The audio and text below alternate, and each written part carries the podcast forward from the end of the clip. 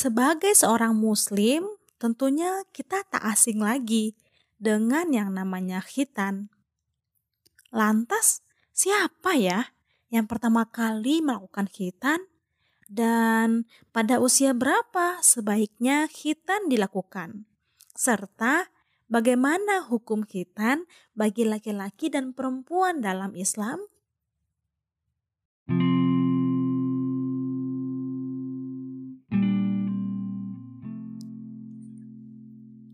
Teman-teman, Assalamualaikum. Jumpa lagi bersama saya Siti Humaira. Kali ini saya akan membawakan cerita mengenai khitan. Khitan atau yang biasa disebut sunat adalah kegiatan memotong sebagian kecil bagian tertentu dari alat kelamin. Salah satu keuntungan melakukan khitan adalah lebih terjaganya kebersihan dan kesehatan alat reproduksi. Khitan sendiri sudah sejak dahulu sekali dilaksanakan, tepatnya pada zaman Nabi Ibrahim. Khitan pertama dijalankan oleh Siti Hajar. Hal itu dilakukan sebagai pemenuhan janji yang diikrarkan Siti Sarah. Saat itu, Siti Sarah yang terbakar cemburu merasa sangat kesal dengan budaknya yang bernama Hajar. Lantas ia bersumpah akan memotong tiga anggota tubuh Hajar. Untuk menuntaskan janji Sarah, maka dilaksanakanlah khitan pada Hajar sebagai penebusan satu anggota tubuh. Cerita lengkapnya ada di episode 8 yang berjudul Pemakai Anting-Anting Pertama di Dunia. Jangan lupa disimak ya, agar pengetahuan mengenai cerita ini lebih utuh. Kalau wanita pertama yang berkhitan adalah Siti Hajar, lalu siapa ya laki-laki pertama yang berkhitan? Perintah berkhitan pada laki-laki turun pada Nabi Ibrahim.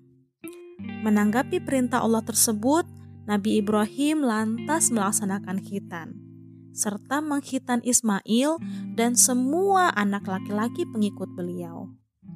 Terdapat beberapa pendapat mengenai usia Nabi Ibrahim saat berkhitan. Ada yang berpendapat di usia 80 tahun, 99 tahun, juga 120 tahun. Wallahu alam. Yang pasti Nabi Ibrahim berkhitan setelah bertemu lagi dengan Ismail di Mekah. Nabi Ibrahim melakukan khitan di usia yang telah senja, sedangkan Ismail diriwayatkan melakukan khitan di usia 13 tahun. Lantas sebenarnya berapa sih usia untuk berkhitan yang lebih dianjurkan?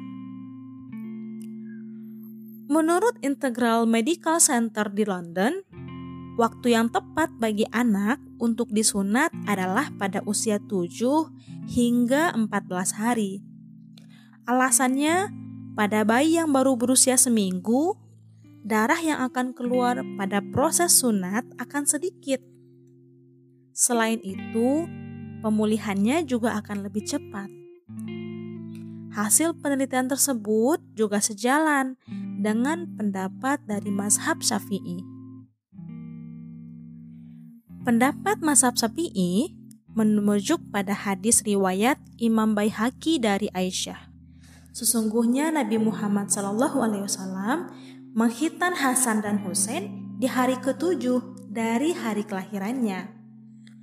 Sementara itu, Mazhab Hambali, Maliki, dan Hanafi berpendapat jika khitan lebih baik dilaksanakan saat usia tujuh tahun. Ada satu kesamaan, dari dua pendapat tersebut, yaitu khitan harus dilakukan sebelum anak memasuki masa balik. Hal ini sejalan dengan perkataan Ibnu Qoyim. Orang tua tidak boleh membiarkan anaknya tanpa dikhitan hingga usia balik. Seseorang yang belum berkhitan masih membawa najis, sehingga melakukan khitan agar lebih suci dari hadas merupakan hal yang utama dilakukan sebelum menginjak masa balik. Karena saat anak menginjak masa balik, maka sudah muncul kewajiban untuk melakukan peribadatan kepada Allah. Sedangkan salah satu syarat dalam beribadah, terutama sholat, adalah suci dari hadas besar maupun kecil. Teman-teman, kita telah mengetahui orang pertama yang berkhitan dan usia terbaik untuk melakukan khitan. Lantas, bagaimana ya hukum khitan dalam Islam? Ada beberapa pendapat yang masih bertentangan soal hukum melaksanakan khitan ini.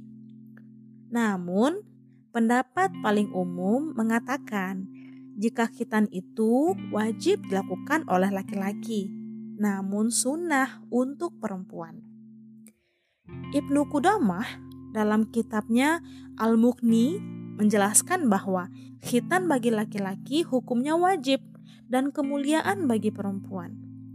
Pendapat ini dilandaskan kepada firman Allah dalam Al-Quran Surat An-Nisa ayat 125 yang berbunyi, dan siapakah yang lebih baik agamanya daripada orang yang ikhlas menyerahkan dirinya kepada Allah, sedang dia pun mengerjakan kebaikan, dan ia mengikuti agama Ibrahim yang lurus, dan Allah mengambil Ibrahim menjadi kesayangannya. Dalam ayat tersebut, Allah memerintahkan Nabi Muhammad agar mengikuti ajaran Nabi Ibrahim dan melaksanakan khitan termasuk salah satu ajaran Nabi Ibrahim yang harus diikuti. Ada satu hal lagi yang harus dipahami dalam syariat khitan ini.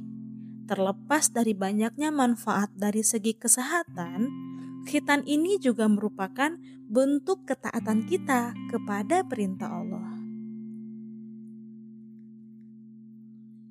Sekian penjelasan mengenai hitan pada episode 14 ini. Sampai jumpa lagi di episode selanjutnya pada podcast Cerita Sejarah Islam. Wassalamualaikum warahmatullahi wabarakatuh.